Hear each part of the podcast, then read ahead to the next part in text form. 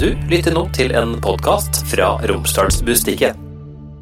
RB-sporten presenteres av Coop Mega Molde og Intersport på Roseby, Storsenteret og i Elnesvågen.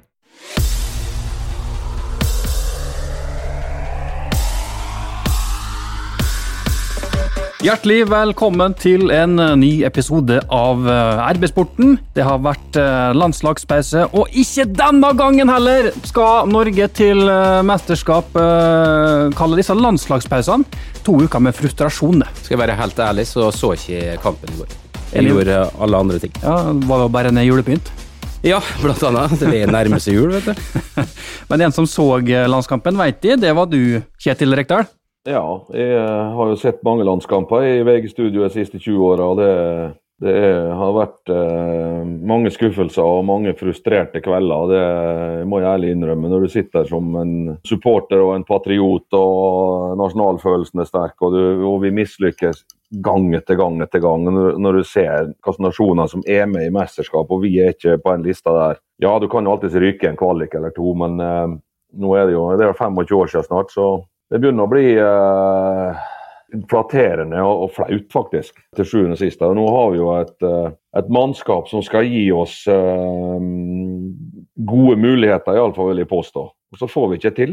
Vi taper de avgjørende kampene, eller gjør de avgjørende tabbene, eller brenner de avgjørende sjansene og står igjen med, med at vi var nære og nære og vi kunne gjort sånn. og Det prates om fem minutter mot Skottland på hjemmebane. og Ja, det, det er jo en delårsak i det, men vi er ikke gode nok i avgjørende øyeblikk. Det er, det er brutale fakta. Hvor er vi ikke gode nok, da? Er det spillerne?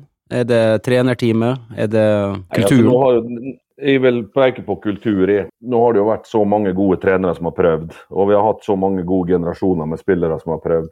Og så har vi kanskje, ikke, kanskje aldri hatt et såpass eh, sterkt, uh, talentfullt mannskap som nå, da. Det er jo en del av dem ganske unge ennå, for så vidt, da, i internasjonalt uh, perspektiv. Men uh, det henger vel sammen. Vi, vi får iallfall for lite ut av, uh, av, mannskapet vårt, eller laget vårt, eller landslaget vårt. Altså, men å peke på én en enkelt person, det blir jo selvfølgelig Noen har jo ansvaret, men det blir, det blir, litt for enkelt å si at det er én person sin skyld. Men totalen Vi blir jo avslørt da, i alle kvalifiseringer på, på egentlig det samme som vi har snakka om i, i 20, over 20 år nå. Det, du skulle jo tro at på et eller annet tidspunkt så eh, klarte vi å løse den floken, men uh, vi klarte ikke denne gangen heller. Så får vi bare vente i ti måneder til neste viktige landskamp og prøve på nytt. Men Når du, når du nevner kultur, da, hva er det du tenker på da, sånn rent spesifikt? Det betyr det nok. Hvordan er inngangen til landskampene? Du møtes i Oslo, har, du har ikke så mange dagene på det, men hvordan blir det bygd opp til kampen? da? Vi har jo eh, blitt lurt mange ganger. Positivitet og ekstrem tro. Eh, mitt siste eksempel er jo når jeg satt og så eh, Spania-Skottland. Spania sleit fælt og hadde jo egentlig litt flaks som vant den kampen 2-0. og så, vi, så, drar vi til Kypros og vi vinner 4-0 og alt ser ut som det er på stell. Og så har du troa på et fullsatt Ullevål at Norge kan faktisk på en god dag ta Spania. Og så får du liksom bare beviset på at vi er så langt unna mot Spania som det i hele tatt går an. Første, vi har ett skudd på mål tror jeg, etter 65 minutter. Så du blir, du blir liksom paralysert av hele greia. Da. Nå, da hadde du liksom Det er siste sjanse. Får vi et landslag nå som kommer ut på der og graver ut et godt resultat mot et, en bedre motstander. Eh, desperat lag med en, en enorm innsats og aggressivitet. Men det, det, det, det er ikke der dessverre. Og det mangler i kamp etter kamp. Og så er vi for dårlige for de begge målene. Vi brenner for mye sjanser, og vi slipper inn for, for lette mål på altfor lite sjanser imot. Så statistikken er jo fryktelig negativ for oss, da. Ja, Effektiviteten er for lav fremover. Prosentvis eh, mål mot på sjanser imot det er jo altfor høy. Typisk Norge, da. altså Tre kamper ute i kvaliken, så er kvaliken egentlig over? Ja, det er det verste. Du møter Spania i første kampen, et veldig nytt spansk lag med en ny trener som ikke har satt seg. Vi brenner sjansene våre og ender opp med å tape 3-0. Og forspilte sjansers kamp, egentlig. Tre dager etterpå så utnytta Skottland dette der og slår Spania. Og vi drar til Georgia, en kamp som du må vinne for å, å være sju. da. Og Så roter vi bort to poeng der òg. Så etter to kamper så er vi fem poeng bak Skottland allerede. Og så når du møter Skottland på Ullevål, så ender du opp med å tape den, og da er det jo kjørt. Da sitter du og regner da på Nation League-muligheter, og, hvis de taper eller spiller uavgjort, og de gjør sånn og de gjør sånn, og vi vinner der og der og der, så har vi en liten sjanse til slutt likevel. Men eh, hvis du tar bort Kypros, da, som alle lagene slo, så har vi 7-11 i målforskjell på seks kamper og har tatt fem poeng. Det er under ett poeng i snitt, og det er nesten to baklengs i snitt. Og det er så vidt over ett mål skåra i snitt. Så alle brutale fakta eh, sier jo at du ikke er god nok. Du snakker om mange innslupne mål. Mange som har tatt til orde for å spille med tre stoppere, sånn som både Molde har gjort de siste årene, og som du har gjort i flere år. Jeg ser at Ståle Solbakken vil ikke det. Hadde det vært en løsning? Det blir for enkelt å si at gjør sånn, så løser alt seg. Eh, men det, det kan hende at når vi møter lag som vi skal slå, så er det sikkert greit å ha en, en, en klar offensiv tanke hvordan du skal løse det. Så kan det òg hende at når du spiller mot lag som er bedre enn deg, som, som du kanskje må akseptere at eh, vi, vi må spille litt annerledes, kanskje, da kan det muligens være en løsning at du står robust og så spiller for å holde nullen og ta de kontringene du får. F.eks. mot Spania hjemme borte. Altså, Du kan ikke legge lavt mot Kypros og Georgia og forvente at de skal komme frem med laget sitt. Og Du så jo sist mot Færøyene. Vi starta bra i 30 minutter, og så dør du ut. Riktignok en treningskamp, da, men uh, det skulle jo egentlig vært motsatt. At du, at du sliter ut en motstander som sprekker siste halvtimen. da. Men vi har, vi har, ikke den uh, krafta i oss heller. Det, vi kan se Vi hadde vel kanskje litt mot Kypros på Kypros når vi vant 4-0. Kjørte kampen, fikk 1-0 i første omgang, og så bygde vi ut det til en 4-0-seier. Men det skjer for sjeldent. Det er mange Kjetil, som uh, vil ha det som landslagssjef, som nevner ditt navn. Hadde det vært noe som hadde interessert deg? Eh, det har jeg ikke reflektert over. Det er hyggelig at noen mener det, men jeg har fokus på andre områder. Nå har vi en landslagssjef som er der, så får vi se hva framtida bringer. Jeg går ikke å bruke tid på ting som ikke er reelt. I korridorene på Ullevål at de kan bli litt irritert når du kritiserer landslaget og apparatet rundt?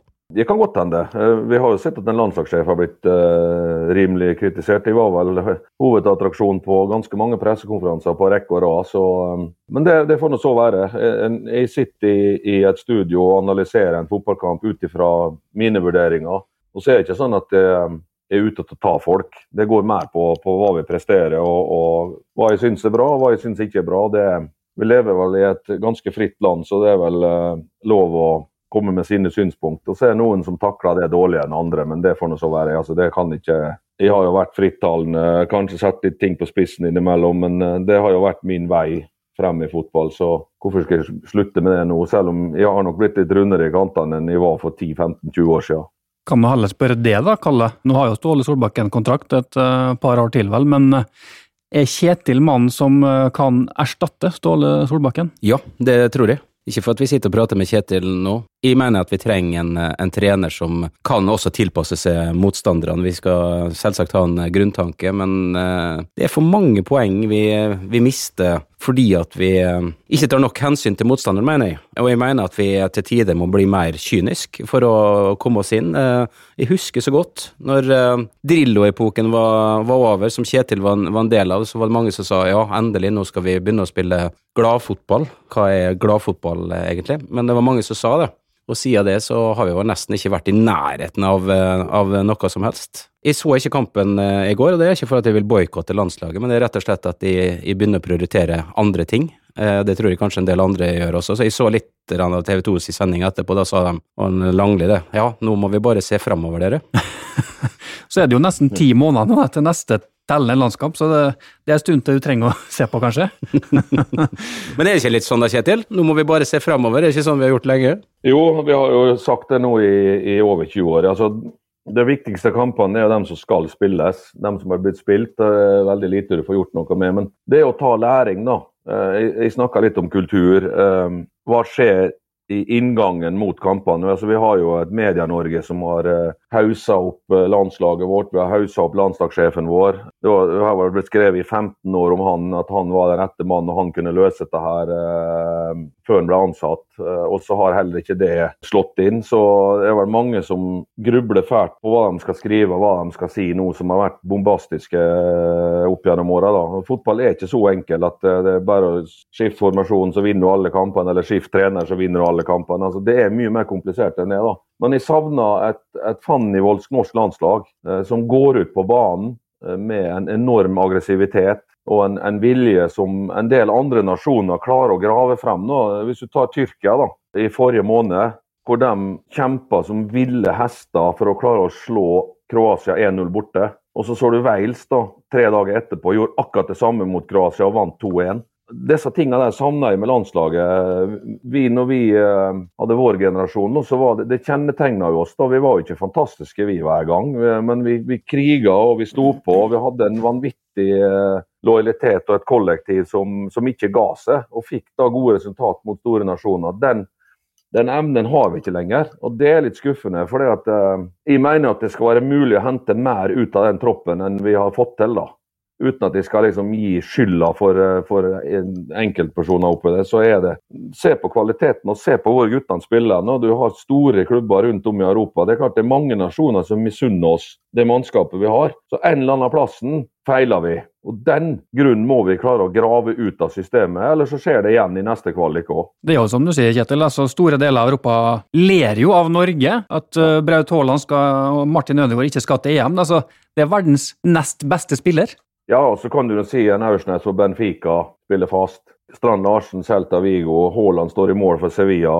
Ayer i Brentford, du har eh, Berge i Burnley. Oscar Bobby City, Nosa i Klubb Brygge. Altså, altså, når du ser på klubbnavnene, da, så skulle du jo tro at uh, her må det være mulig å få mer ut av den gjengen der. Og det, det, det, tror jeg alle uh, de involverte er enige om, for så vidt. Men nå har vi jo ti måneder, da. Uh, og prøve å sette oss i en posisjon til at vi får resultater. Det snakkes mye om utvikling og at uh, de fem minuttene mot Skottland ødela alt. Altså, vi må ikke lure oss sjøl. Det er mer her i og rundt landslaget som slår sprekker når det, når, når det er alvor. Du kan gjerne snakke om marginer i enkelte kamper, sånn og sånn, men over tid så har du, du får et svar i, i fotball uh, over en hel sesong eller over flere kvaliker eller over en tiårsperiode i en enkeltkamp så kan det Der er små detaljer som kan spille en rolle om du vinner eller taper, men over tid så kan du ikke snakke bort eh, utfordringene vi står overfor. Men er det ikke ekstra ille også, akkurat i denne kvaliken her? Eh, nå har det jo vært mange år med, med et begrensa Norge, da, med spillere som var mye i hjemlig liga og sånn, men denne gangen her så har vi jo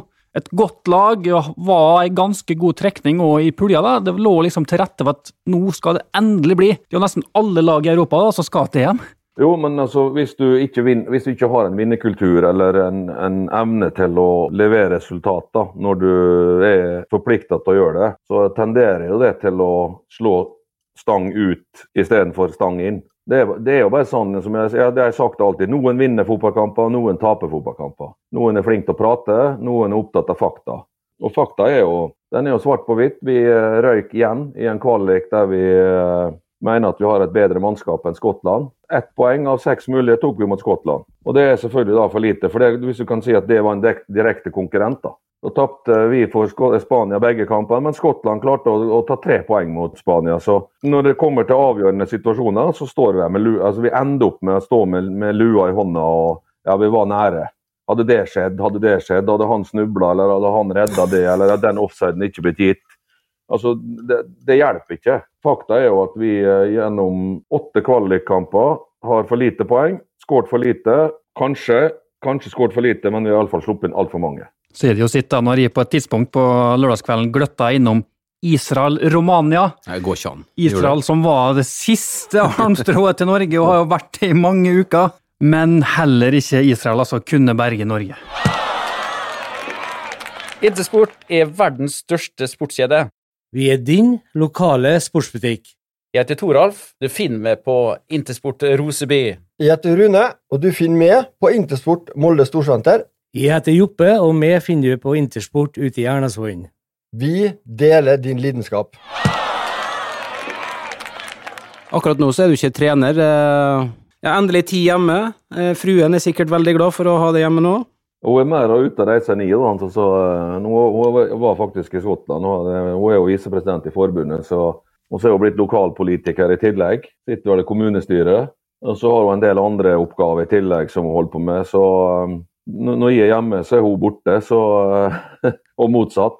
Når hun er hjemme, så er jeg borte. Så det, jeg kan ikke akkurat si at uh, vi tilbringer noe voldsomt mye mer tid sammen nå enn når de trente Rosenborg, for å si det sånn. Hva gjør du da? Vaske hus og Nei, eh, litt av alt egentlig. Følger opp guttene på trening, henter på skolen. Eh, gjør litt eh, lokalt arbeid, for å si det sånn. Eh, og så, er, så følger jo med fotballen. Og klart Du får jo tid til å studere en del mer. Eh, og jeg har jo alltid hatt den enorme interessen, så Jeg har god oversikt over eh, alle norske lag, utenlandske ligaer, trender. Følger med Tyskland, England, Spania, Italia, Eng Belgia, Nederland, Østerrike, Sverige, Danmark. Norge først og fremst og mest. Og så får du tid til å reflektere over det du holder på med sjøl òg. Går gjennom bakover i tid. Eh, Jeg var i Rosenborg i ett og et halvt år. Eh, kunne, er det noe du kunne gjort annerledes? Det svaret gis jo egentlig sjøl, det er det alltid. Hva var du mest fornøyd med? Angrer er du på, jo- angrer du på at du tok eh, Rosenborg? Nei, det, det, det gjør du ikke. Altså, jeg har et godt inntrykk av, eh, av Rosenborg som klubb i. Eh, klart det er vanskelig for Molde-supportere eller Molde-folk som har den rivaliteten. Men mitt yrke, jeg, jeg skifter jo beite, og da får du jo sett ting litt på en annerledes måte når du eh, er der. Og for meg så er alle lagene vi konkurrerer mot en rival, altså rivalitet. Når jeg trener Rosenborg, så blir Molde en rival. altså, du da, altså, det er jo helt naturlig. Og når du er ferdig, så kapper du tråden eh, og går videre. Og Det komiske er jo at noen ganger så tar du over et lag som du har kriga veldig med da, for å prøve å bryte ned før, og så skal du forsvare dem. da. Men det, den bransjen lever du i. Som spiller og som trener så skifter du jo posisjon. Og når du er ferdig med det, så legger du bort. Så jeg har egentlig bare gode erfaringer og gode ting å si om eh, masse flinke folk eh, innad i Rosenborg. Spillergruppe som var helt eh, fantastisk lojale og støtta oss og sto på og, prøvde å komme opp og frem. Og så hadde du òg folk rundt oss som var gode medarbeidere som prøvde å legge til rette. Og så er det selvfølgelig alltid noen du ikke kom like godt overens med. Men det er jo fotballens bransje. Sånn er det bare. Hvorfor hater de Molde by?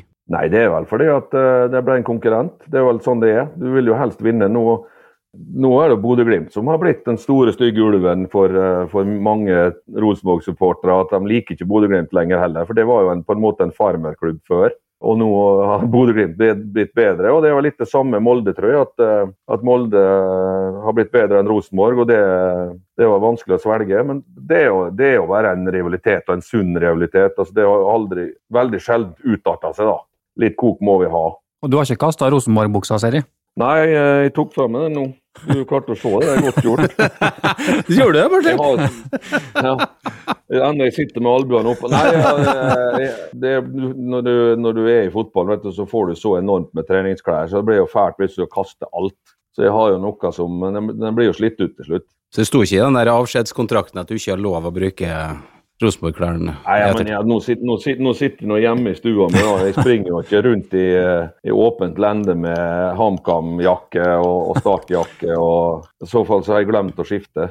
Hvordan fungerer dette, Kjetil? Det tror jeg mange som lurer på. Når en trener er ferdig, eller mange vil bruke ordet Ja. sparken, eller avskjediga, er det sånn at du har eh, nå skrevet under på noe, at du har ikke lov å si sånn og sånn om Rosenborg? Er det sånn det Eh, fungerer, eller? Det, har- det er det ikke, men det er jo naturlig at du um, prøver, da. Jeg må si at eh, den, den avgangen med, med Rosenborg var veldig ryddig regissert. eh. Altså alt ble ordna opp sånn som, kontrakten tilsa og i løpet av eh, 14 dager. Da er det lettere. Men det er klart at hvis det blir disputt rundt det, da, at du må begynne å slåss for rettighetene Nå hadde vel Kristiansund som hadde en pågående sak med Mikkelsen f.eks. Mikkelsen som har trent Kristiansund i en årrekke og gjort det fantastisk bra. Så blir det en skilsmisse, og det skjer stort sett alltid i fotball. Enten så får du sparken, eller så, så slutter du sjøl. Eh, og da ender opp med ja, dårlig stemning. Og Jeg har jo opplevd det med Start f.eks., og jeg har opplevd det litt med, med Ålesund. Og Jeg har aldri hatt noe problem med Vålerenga når jeg har slutta der to ganger. Heller ikke noe problem med Kaiserslautern når jeg slutta der, eh, og heller ikke problem med Rosenborg slutta der. Så, men, eh, men det er klart, du, du, du har en avtale som regulerer dette der, og hvis den blir eh, fulgt til punkt og prikke, så er det ingen, ingen problemer. Men hvis det begynner å prøve, forsøkes på at det skal snikes unna en avtale som er inngått, da, da blir det ikke så enkelt å ha med å gjøre. Og Det var, det var litt av det bråket som ble på Hamar. Vi hadde en avtale som lå der. Den ville de ikke vedkjenne seg, og prøvde å vrenge og vri på den og lage til eh, et annet innhold enn det som var avtalt. Det syns jeg er dårlig stil. Men uh, Rosenborg de uh, fulgte avtalen som var inngått til punkt og prikke, og da er det ikke noe problem. Da blir det en, eh, selvfølgelig en skuffelse at du, at du blir avskjediget og alt det greia der. Men nå blir det iallfall avtalen som er inngått. eh, Nå må jeg bare ta inn katta her. Vi skal snakke Kjetil skal ta inn katta. Vi skal snakke om Ja. vi skal, det, Da er jeg litt- tilbake. det blir et eget kattehjørne litt seinere, Kjetil. Ja, ja, ja. ja. Nei, men da, da, da For det, det er en del av eh, du, du, du må kunne se hverandre i øya. fotballen er en, eh, en marginalsport. Kanskje så kommer den dagen i Molde, nå at Erling Moe uh, gir seg, eller, uh, eller, klubben finner ut at han vil gå en annen vei etter lang og tro tjeneste. og Da er det jo ekstremt viktig at det blir en ryddig avgang. Bør Erling gi seg nå? Det er vanskelig for meg da, som ikke er tett på å si uh, om en bør gjøre det eller ikke bør gjøre det. Jeg vet ikke. Dette er det Erling sjøl som, som, best kan svare på. Men er, på prinsipielt grunnlag så kan jeg si at alt kommer til en ende i fotball. På et eller annet tidspunkt så skilles veiene uansett som, enten som spiller du skal legge opp, eller du går til en annen klubb, eller får ikke forlenga kontrakten din, eller etc. Eller en trener også, eller en, en sportssjef, eller en daglig leder etc. Så det, det, er, det, er, vanlig at det er en, en viss uh, sirkulasjon i, i, i toppjobbene i, i, i fotball. Jeg, jeg, har lyst til å bare bruke noen sekunder på en spesiell ting. og Du har jo sagt ja. det sjøl, at du er kanskje litt annerledes, eh, Kjetil. Uh, Eh, du fikk eh, beskjed om at eh, du ikke fikk fortsette i start, og da er det mange som tenker at ok, da venter vi noen dager til vi blir enige med en advokat. Men du gikk på jobb, du, selv om du fikk beskjed? Jo, det var jo det litt jeg beskrev her, da. Når du ikke vil forholde til en inngått avtale, må du jo slåss for rettighetene dine. Så det var litt det. Og så var jeg selvfølgelig også totalt uenig i det som ble beskrevet. Kjente meg ikke igjen i det, og totalt uenig i det. Det måtte jo være ubehagelig, der det står hele styret som har gitt deg beskjed at du har fyken, fyken, du er ikke ønska å komme på jobb, uh, men du går inn i Jeg ble, jeg ble ikke sparka, så jeg ble okay. fratatt arbeidsoppgavene mine. Forskjellen på det? Som, nei, jeg, det, jeg, måtte ha hjelp til å forstå det. Men,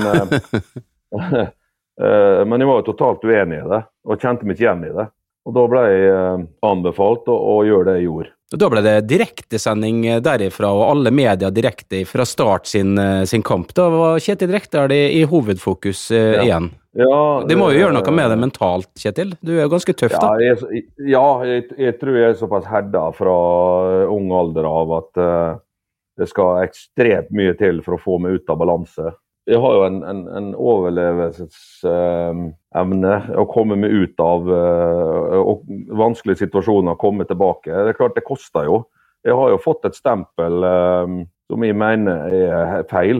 Jeg har jo en Geir Frigård som har jobba sammen i tre år. Han, han sliter jo med og ikke bare sliter, han sliter veldig med å forstå hvordan jeg blir omtalt. da. Ja, Er ikke du egentlig en ganske raus person, Kjetil? Jo, jo da, absolutt. Jeg, det er jeg. Og jeg er snill, og jeg er, jeg er god med, på sosialt grunnlag og er flink til å ta vare på folk. Og Dette har òg med utvikling å gjøre. Det er klart Når du starter som trener når du er 32 år, eller som spillende trener helt ut i det blå og skal slåss deg opp og frem, så går det kanskje litt fort i svingene i begynnelsen, men så tilegner du deg erfaring. Du blir aldri utlært i det yrket her, det er viktig å påpeke så er jo en mye bedre fotballtrener i dag enn for 20 år siden. Altså, det hadde vært krise hvis det var motsatt vei.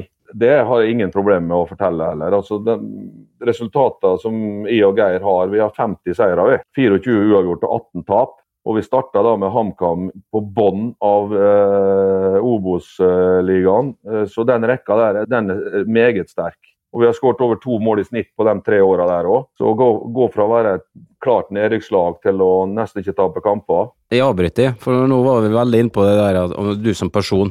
Og så begynte du å prate om fotball og statistikken. Ja, ja. Men eh, vi snakker om du er en raus person, men hva er det som gjør altså Du er jo utad, så for dem som kjenner på fotballbanen og som trener som en ganske tøff og litt hard person, hva som eh, skal til for at du blir lei deg, Kjetil? Illojalitet. Når folk eh, begynner med ting på kryss og tvers som ikke er avtalt, da kan det bli veldig vanskelig å ha med å gjøre. Det, og, og, uærlighet. Altså, Jeg har null problem med at folk kommer og forteller meg at jeg er en idiot. Eh, mye heller det enn at de går rundt og, og at de blir fortalt fra andre at han sa det og han sa det og han sa det. Det, det syns jeg er skuffende. Jeg, jeg går rett på folket vi kommer forfra. Og så er det ubehagelig, og så har jeg sikkert fått en del uvenner eller en del kinkige situasjoner på, på bakgrunn av det opp gjennom året, at jeg har liksom sagt det rett til folk, eller åpent hva jeg mener om ting. Mens andre går da liksom bak skuret eller bak veggen og, og så tør ikke å, å fronte det. Det var sånn jeg har blitt opplært fra foreldrene mine fra dag én. Eh, og det har jeg tatt med meg inn i fotballen. Og det er klart det er veldig Jeg sa vel det på TV 2-programmet at det er en skitten bransje vi lever i. Er du like direkte hjemme, du og fruen? Ja, og heldigvis så har hun det med meg òg. Eh, og det, jeg liker sånn. Det, det er mye bedre å vite enn å gå rundt og tro og være usikker. heller vite sannheten, og om den kan være ubehagelig, så er det lettere å forholde seg til den enn at du går rundt og lurer på om det er det sann eller sann, eller tror du det er sann, eller tror du det er sann. Og sånn gjør jeg med spillerne mine òg. De vet nøyaktig hva de skal gjøre, og de vet nøyaktig hva oppgaver de har. Og Det gjentar du i spillesamtaler og når du har, gir dem tilbakemeldinger og evalueringer. så gjentar du det. Dette her forventer jeg deg, dette her må du jobbe med, og dette er bra. Og Det får du vite da. Det er mye enklere å forholde seg til det enn uh, Og så kan det være tøft for enkelte, ja selvfølgelig. Men da har en iallfall kommet med sannheten, da, usminka, istedenfor å vri det unna med å begynne å, lo, å begynne å, love ting og ikke klare å holde. Det er døden. Så du, du er nødt til å, å, stå for det du sier. Du reagerte jo litt blant annet på han som tok jobben din i Rosenborg nå, Svein mm. Målen, eh, på hans inntreden der. Kan du si litt om uh, ja, hva du reagerte på? Eh, ja, altså, Hadde han kommet fra utsida, så hadde jeg ikke reagert på det. Hvis han hadde kommet fra Tromsø eller fra Mjøndalen eller Det spiller ingen rolle. Hvis han kom fra utsida og inn, så, hadde, da hadde jeg sett på det som helt naturlig. Men han satt altså ti meter bak oss på, i, på, et kontor i gangen. Og han var også aktuell i støtteapparatet vårt. Beskrev seg sjøl som uh, lojal, og at han hadde syntes dette var utrolig lærerikt å få lov å være med forme et fotballag som skulle spille litt annerledes enn det Rosenborg hadde gjort. da. Vi hadde jo veldig troa på at det, det, var veien opp igjen, og det så jo veldig tydelig konturene av første sesongen. da. Og Så blir vi sparka, og så går han inn eh, på måten han gjør. Det var, det var, overraskende, for å si det rett ut. Nå skal jeg bare slippe ut katten. Jeg Tror Kjetil har flere katter, Martin? Jeg har to. Eh, og, og, Det opplever vi da som respektløst da, og illojalt. da, for du, Han satt tross alt bare ti meter lenger borti gangen og jobba i samme klubben. og Det reagerte de på.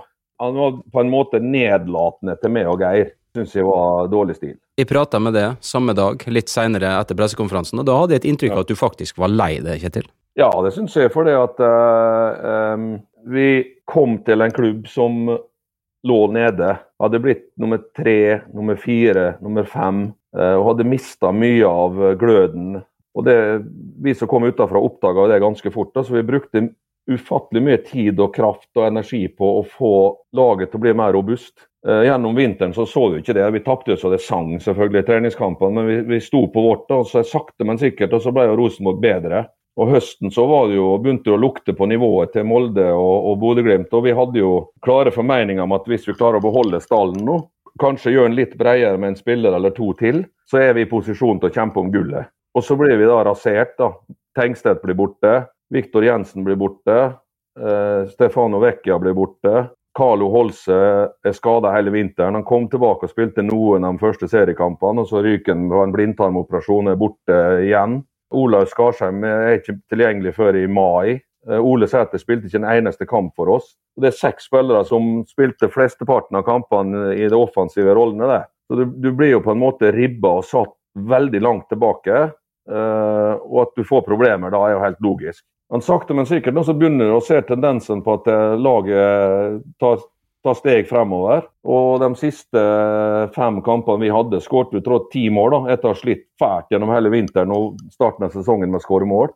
Og så eh, vil de skifte kurs. Altså, jeg, har, jeg har respekt for det, at et styre vil skifte kurs. og De er jo valgt til å ta disse valgene der. Så Det må du respektere, men det er klart det var en ekstrem skuffelse. fordi vi, vi følte på at nå går pila oppover igjen, og at vi kunne klatre på tabellen noe lignende som vi gjorde sesongen før. Ole Sæter var snart klar eh, til å kunne spille igjen. Eh, så jeg mener jo det at vi hadde hatt glatt, kanskje opp mot 15 poeng mer, med den kursen vi hadde, hadde bitt oss inn på enn det Rosenborg har endt opp med så langt. Det, det, for nå ble det jo en, en totalforandring i, i, måten å spille på, og, både offensivt og defensivt. og Det har ikke Rosenborg klart å få helt på plass. De har selvfølgelig vist glimt av det, men uh, de har tapt åtte kamper. da.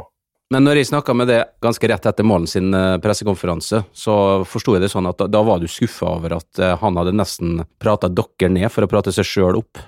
Ja, det, så, det, var sånn det føltes, ja. Det oppsvinget og den festfotballen som han lovte, det har, la vi vel egentlig Vi venter fortsatt på det, Kalle? De starta jo med tre strake tap da, og raste ned i bunnen. Vi lå jo rett over, da. Nå skal det sies da at uh, Vi var ikke fantastiske vi i starten av sesongen heller, men vi har tross alt gjort ferdig Molde borte, Bodø-Glimt borte, Brann borte, Brann hjemme og Viking hjemme. Og sto der med tre seire, fire uavgjort og fire tap. Og vi statistisk sett, da, nå skal jeg ikke begynne sånn, nå blir det, det høres ut som det er unnskyldning, men statist, dette blir jo brukt med landslaget. Statistisk sett så skal vi vinne 3-2 i Bodø istedenfor å tape 3-2. Vi skal spille uavgjort i Bergen istedenfor å tape 3-1. Og vi tok poeng i Molde for første gang på seks år. Vi vant serieåpninga for første gang på seks år, så det var en del positive ting der. Men utålmodigheten den er ganske stor i Trondheim, og spesielt nå når det har gått Det blir jo litt det samme som landslaget der nå, da. For hver sesong som går nå uten at Rosenborg vinner tittelen, så blir det mer og mer frustrasjon. Og vi ble sikkert tatt litt av den når vi kom utafra. Så spilte vi ikke 4-3-3, som eh, da er på en måte Bibelen eller løsninga på absolutt alt eh, som kanskje omgivelsene tror, da, eller mye. Det er jeg ikke så sikker på om bringer Rosenborg til topps igjen. Jeg er veldig glad for at du ikke er Rosenborg-trener lenger, da. Det skjønner jeg. Hei, Hilde her, fra Coop Mega Molde. Kom innom og se vårt store brede utvalg av mat fra lokale produsenter. Vi har også gavepakker til den som har alt. Velkommen til Coop Mega Molde.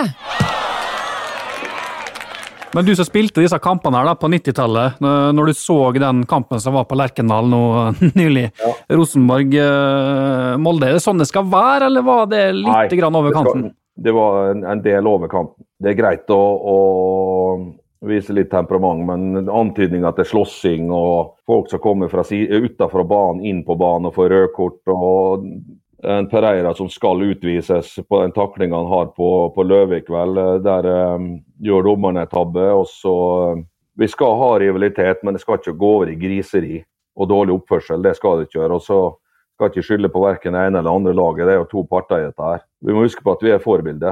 Vi kan godt spille tøft, men eh, vi, vi må spille fair. Du som har sett alle kampene eh, på denne jord siden du var født, Kjetil. eh, Kan du huske Har du sett noen andre ganger der en har kommet springende fra sidelinja ut på banen? Nei, det har jeg ikke. Så, eh, Så der er Sæter litt eh, historisk, altså? Ja, han er det. Jeg må si det. Så, men eh, disiplinen, da. Det faller jo tilbake på ledelse. At eh, du har kontroll på, på gruppa di. Og det hadde ikke, eh, hadde ikke Rosenborg der i det tilfellet med Ole Sæter. Det tippa over. Det hadde ikke skjedd med det på benken. Eh, Det er jeg ganske sikker på at det ikke har skjedd, nei. Men var dette her sånn som det var på 90-tallet, eller var det Nei, verre eller nei, bedre nei, da? Det, det var ikke sånn på 90-tallet, nei. Da var det jo litt munnhuggeri i mediene før og etterpå. og Så var det tøffe tak på banen, og så var det ferdig. Jeg kan ikke huske om det var røde kort i kampene der, eh, faktisk. Så Nei, det, det var var- tøffe tak. eh, Det var men, Peter eh, Rudi nei, som prøvde febrilsk å dra på seg røde kort. eh, Ja, sånn han fikk det ikke til. det. Stemmer det. måtte stå over sone i cupfinalen. Triksa opp ballen og slo den utover linja. Vi, vi var jo pådrivere på at han skulle få det andre gule, vi andre òg, for vi ville ha han med i cupfinalen og prøvde alt vi kunne, men vi klarte det ikke. Jeg tror han til og med tok ballen med hendene, men jeg tror dommeren skjønte det. Ja, Han triksa opp ballen og slo den utover sidelinja med hånda. Hvem var det du heia på under kampen, da? Nei, da, jeg, jeg, tippa faktisk uavgjort, da, for jeg, jeg har blitt kontakta av Fotmobb, så jeg leverer litt tips der. Og jeg trodde at det skulle bli uavgjort òg, det lå jo an til å bli det. Så um, jeg har gode forbindelser til mange av spillerne i Rosenborg, og jeg har også til en del i, i administrasjonen, så jeg, jeg klarer ikke å sitte og håpe på at eh, dem jeg jobber med skal mislykkes. Det gjør jeg ikke. Så vi kan si at jeg, at jeg var nøytral, og jeg trodde det skulle bli uavgjort, og det var vel det som lå nærmest da. Du kjenner noen spillere inn i Molde òg? Ja, det gjør jeg. Så sant, Men hadde du snudd på det, hvis jeg hadde trent Molde, så hadde jeg selvfølgelig eh, ikke likt Rosenborg. Det sier seg jo sjøl. Kristoffer Haugen, bare for å vi må si det, da. Det er jo han da som er far til ditt barnebarn. Eh, Ja. Du fikk vel en sånn Rosenborg-gave som du skulle gi videre der. Er sånn at vi trekker tilbake den nå, eller? Jeg, jeg fikk jo en body om Mia som, eh, fra, fra, fra spillergruppa til Rosenborg som vi overleverte videre. Så Det går an å teipe over det. ja, men dette er jo litt artig. Dette må vi tåle.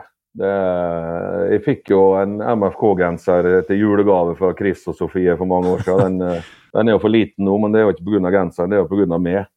Og det ble jo avbilda i og lagt ut, selvfølgelig. Men det var jo en, julegave. Det, var den eneste gangen jeg har hatt den på meg, for den er egentlig for liten. Så det du sier, at du vil ha en ny som er litt større? Nei eh, if, eh, if, og Sofie prøves jo. Men jeg heier jo selvfølgelig på Chris. Ja, hvordan, hvor, Nå kan du si litt mer om det. Hvordan, hvordan var det egentlig? Nei, han var, han var jækla god mot oss i, i, i andre serierunde i år, iallfall. Så vi måtte bruke litt av pauser på å få stoppa han. Og det klarte vi jo, da, heldigvis. Så eh, nei, det blir jo Jeg unner jo han alt det beste, men selvfølgelig ikke når han spiller mot mitt lag. Det er jo helt naturlig. Du måtte nesten mannsmarkere han da ute i andre omgang? Ja, vi måtte gjøre noen taktiske grep for å få stoppa han, ja. Det, men det, vi klarte jo det, så det var jo litt tilfredsstillende etterpå. For han var utrolig god i den første omgangen. Vi ble terrorisert av han i hele første omgangen. Og vi visste jo om det òg, og hadde forberedt oss godt egentlig på det, men vi klarte det ikke. Så, men vi fikk fiksa det etter pause, da. Det, men det hadde gjort om det var en annen spiller òg. Det var ikke sånn at det var en prestisje at han må stoppes. Det, om det var en Løvik som hadde spilt der, så hadde vi sikkert måttet gjort det samme der òg. Hva skal Molde gjøre nå, når eh, Molde har fått fram eh, supertalentet Løvik, og, og Haugen er som god som du akkurat har fortalt om? Ja, har jo, du har jo såpass mange kamper da, at du klarer å rullere på det. Men klart hvis Molde taper cupfinalen og har kun serien neste år, så er jo det en fordel sånn sett. Mindre slitasje, og du kan bruke treningsuka på en litt annen måte. og Bygge lag, bygge relasjoner og terpe på ting. Eh, Når det blir så tett med kamper at du knapt nok får trent, så er det jo viktig at du har nok spillere å rullere med òg. Dette er som jeg sa i stad, alt kommer til en ende. På et eller annet tidspunkt så er Kristoffer Haugen ikke Molde-spiller lenger, og da er det jo Moldes oppgave å sørge for at de har en god erstatter. Og de har jo en, en god erstatter eh, som, som, gjør det bra allerede. Jeg synes Mot uh, Hekken borte så, så, imponerte han Løvik med stort etter at han ble utvist på Lerkendal og slo tilbake. Han er, han er ikke gamle gutten heller. Så han, uh, han likte veldig godt uh, mitt fotballhjerte, det han leverte mot Hekken, det må jeg si.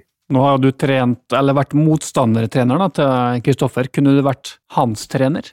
Ja, det hadde sikkert gått, men uh, da måtte han ha vært såpass god at han var bankers på laget. Hvis han hadde hatt en konkurrent og det var 50-50 og et laguttak, så kunne det blitt noe prat rundt det. Jeg hadde jo Niklas på Hamar eh, med HamKam rykka opp. Det gikk greit. Uh, men det var jo for at han var innbytter, da. Og var en, en allrounder som kom inn og dekka forskjellige oppgaver. Noen ganger sentralt på midten, noen ganger som wingback, noen ganger i, front på vingen. Noen ganger som indreløper. Vi, vi hadde jo en veldig tynn stall. og og egentlig ikke økonomi heller.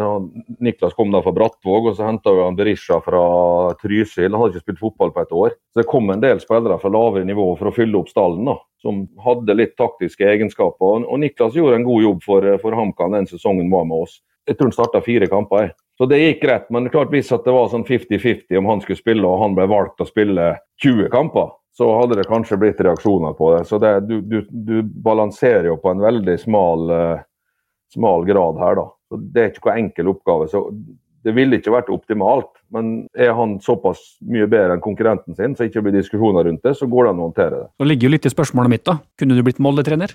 Ja, ja, det kunne jeg. Jeg var nær eh, i 2004-2005. Eh, var jo diskusjoner med dem. Jeg sa vel det en dag at eh, nå har jeg vært rundt i, i, Norge en del plasser, og skal ringen slutte, så er det vel Molde som står igjen. Så, men de har en god trener de, for øyeblikket, og har hatt gode trenere før der. Så hvem vet, vi får se. Men du vil jo passe inn i den lokale identiteten til Molde. Bare så det er sagt, eh, vi som sitter her, vi har vel sagt at vi, vi er vel av dem som mener at Erling Moe fortsatt bør fortsette, så vi skal jo understreke fortsatt det, Martin. Men men det er ikke sikkert det blir nå? Ja, det, altså det, det, jeg utelukker jo ikke. Du kan jo ikke utelukke ting i eh, den bransjen. her. Og så er jo Molde en av de beste klubbene òg, så det er klart det hadde trigga sånn sett. da, Men igjen, da, det er ikke noe jeg går rundt og bruker tid på. Og, og tenker på at nå å, Molde tapte, nå kan det blir noe sånn greier. Altså, det gjør jeg ikke.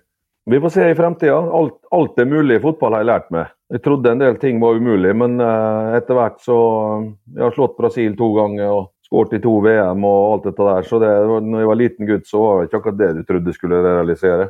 Eh, Øystein Næland har jo også vært ute og sagt at uh, Molde ser etter en sportsdirektør. Er det sånne ting som kunne ha trigga det, eller er det mer uh, trenerbiten?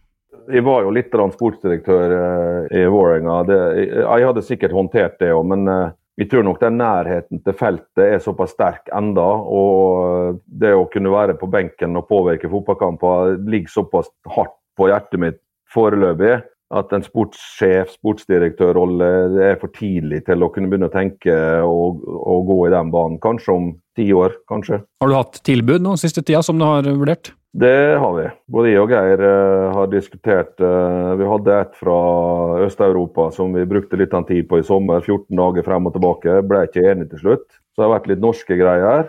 Mest redningsaksjoner, som vi har um, også vurdert, men takka nei til. Og så har vi hatt noen andre samtaler der vi har vært inne i møte, eller altså på Teams-møte med å presentere oss. Inntrykket er nå at klubber som skal ansette trenere, gjør stadig en bedre jobb med å leite opp typene, profilene, eh, enn en før. Så Det er ikke sånn at du blir ringt opp i dag og så kan du trene oss i morgen lenger. Du er på ei liste med, med mange, kanskje. Fem, fire, tre, seks, åtte. Det vet du ikke. Og da eh, ja, må du gjennom eh, kanskje intervjurunde, og vi, eh, vi, skal på noen sanne nå før jul. Så får vi se. I Norge da, eller? Ja, Det, det kan jeg ikke svare på akkurat nå. Det blir for, det blir for lett å, å se seg frem. Har vi noe å gruble på oss? Ja, okay. Men du, føler jo det at det har endra seg litt i dette med trenere også. Noen går inn som assistenttrener, eh, sjøl om man har vært hovedtrener i mange år. Eh, Det med delt treneransvar mellom flere trenere. Kunne du vært eh, assistenttrener? Det spørs uh, til hvem. Jeg tror det er ekstremt viktig, sånn som det har blitt med fotball nå, det, altså, du må bruke støtteapparatet ditt. At det ikke går der og, har ansatte som bare ikke gjør noe. Og så komplementere hverandre. Jeg har funnet en, en, en måte å arbeide med Geir på som er den er kruttsterk, føler vi sjøl. Og det er de tilbakemeldingene vi har fått da fra spillergruppa til HamKam og spillergruppa til Rosenborg og, og folka rundt oss, at vi har eh, en metodikk å jobbe på som er veldig faglig sterk. Og også dem som er rundt oss blir eh, godt involvert. Da. Så vi er trygge på at det vi har eh, bestemt oss for å gå for, eh, har, eh, og det viser resultatene våre òg, er, en- er en sterk duo som utfyller hverandre på en, på en veldig god måte. Det jeg er svak på, er Geir veldig sterk på. Og det Geir kanskje ikke skal gjøre, eller involvere så mye i, der er jeg sterkt involvert. Så vi har to eh, ekstremt eh, sterke fotballhoder som pusher hverandre til limiten hver dag og klarer å få folk med seg på den reisa da, og utvikle ting i, i stor, stor fart. Men eh, tenk tilfellet, da. Ta Lillestrøm, som Geir har et forhold til som spiller. Så ringer Lillestrøm og så sier han vi vil ha Geir som hovedtrener, og så kan vi gjerne ta med Kjetil som assistenttrener. Ja, men Jeg og Geir er enige om at det er en konstellasjon som ikke går i fellesskap. Det hadde ikke gått. Du er sjefen. Jo, altså det, te Teoretisk hadde jo det gått, men da hadde ikke vi fått spilt på styrkene våre fullt ut. Så det, og det er ikke, Geir kunne vært hovedtrener en plass, men han hadde ikke, jeg hadde ikke kunnet vært assistenten for han. Og han hadde ikke kunnet vært hovedtrener med meg som assistent. Det hadde ikke, det hadde ikke blitt optimalt. Så det, det har vi slått fra oss. Eh, Vi har jo prata om, om, om hva hvis det skjer, om vi hadde gjort sånn og sånn. Så, det, det, det hadde blitt krasj. Faglig, ikke faglig, men det hadde ikke Vi hadde ikke fått det beste ut av hverandre på den måten der. Vi skal begynne å, runde av. Vi skal bare kikke litt på de gjenstående kampene da, til MFK. Kommer først eh, nå en eh, vi må si, ganske ubetydelig kamp borte mot uh, Sarpsborg. Og så, torsdagen etter, da er det Karabag som uh, venter. Og da skal jo egentlig alt avgjøres for Molde sin del i Europa. Hvis Molde vinner med mer enn ett mål, så blir det Europa League på nyåret. Hvis Molde ikke greier det, så blir det Europa Conference League. Og så har vi da cupfinalen 9. desember. Hva må Molde vinne for at det skal bli en godkjent sesong her? Altså det, I Norge så spiller du om to titler, da. Så det er klart hvis du vinner en av dem, så er jo det eh, bra. Men jeg tror jo det at eh, historien til Molde nå som eh, sølv og gull, er det ikke det, siste fem åra? Det var det samme Bodø-Glimt har bytta på. Bodø-Glimt har tre gull, og Molde har to. Det som er viktig for Molde, da, og har vært viktig, det er å komme seg ut i Europa. Du har hatt masse gode spillesalg, så det er sirkulasjoner der. Og så er det jo Vi skal ikke si at det er krise, men det er klart det vil være en stor skuffelse hvis Molde faller utafor Europa. da. Med tanke på at du vant serien i fjor, og så detter ned på femteplass, eh, og så eventuelt tape cupfinalen. Så cupfinalen for Molde blir jo ekstremt viktig. Men du kan også snu det rundt. da. Hvis du skulle ryke cupfinalen, så vil du jo være en, en, en ganske så soleklar gullkandidat i 2024. Hvorfor det? Du har mindre kamper. Nei, du har mindre kamper, og du har bedre tid til å kunne bygge, eh, utvikle laget ditt, for du får trene mer. Du får mer tid til å trene på relasjoner mellom kampene, og du får være bedre forberedt til kampene. Mindre reise, eh, mindre slitasje. Kanskje så trenger du ikke en like stor stall. Eh, og så kan du også da kanskje integrere en del unge gutter som er i startfasen til å spille kamper, fordi at påkjenninga blir ikke så stor, og så vil du sikkert ta flere poeng. Det vil jeg tro. Skal du på Ullevål? så vil sikkert noen, noen være uenig og si at ja, men det er fint å spille kamper hver tredje dag. Ja, det er det når det går bra.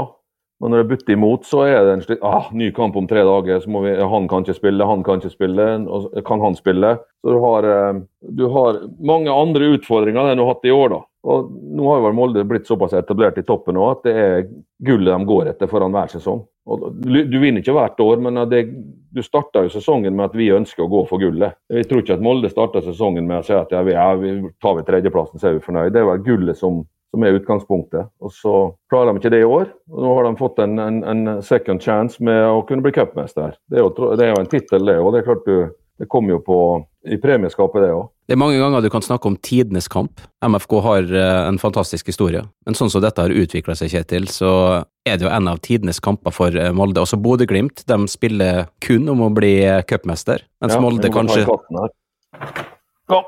Ja. Yes.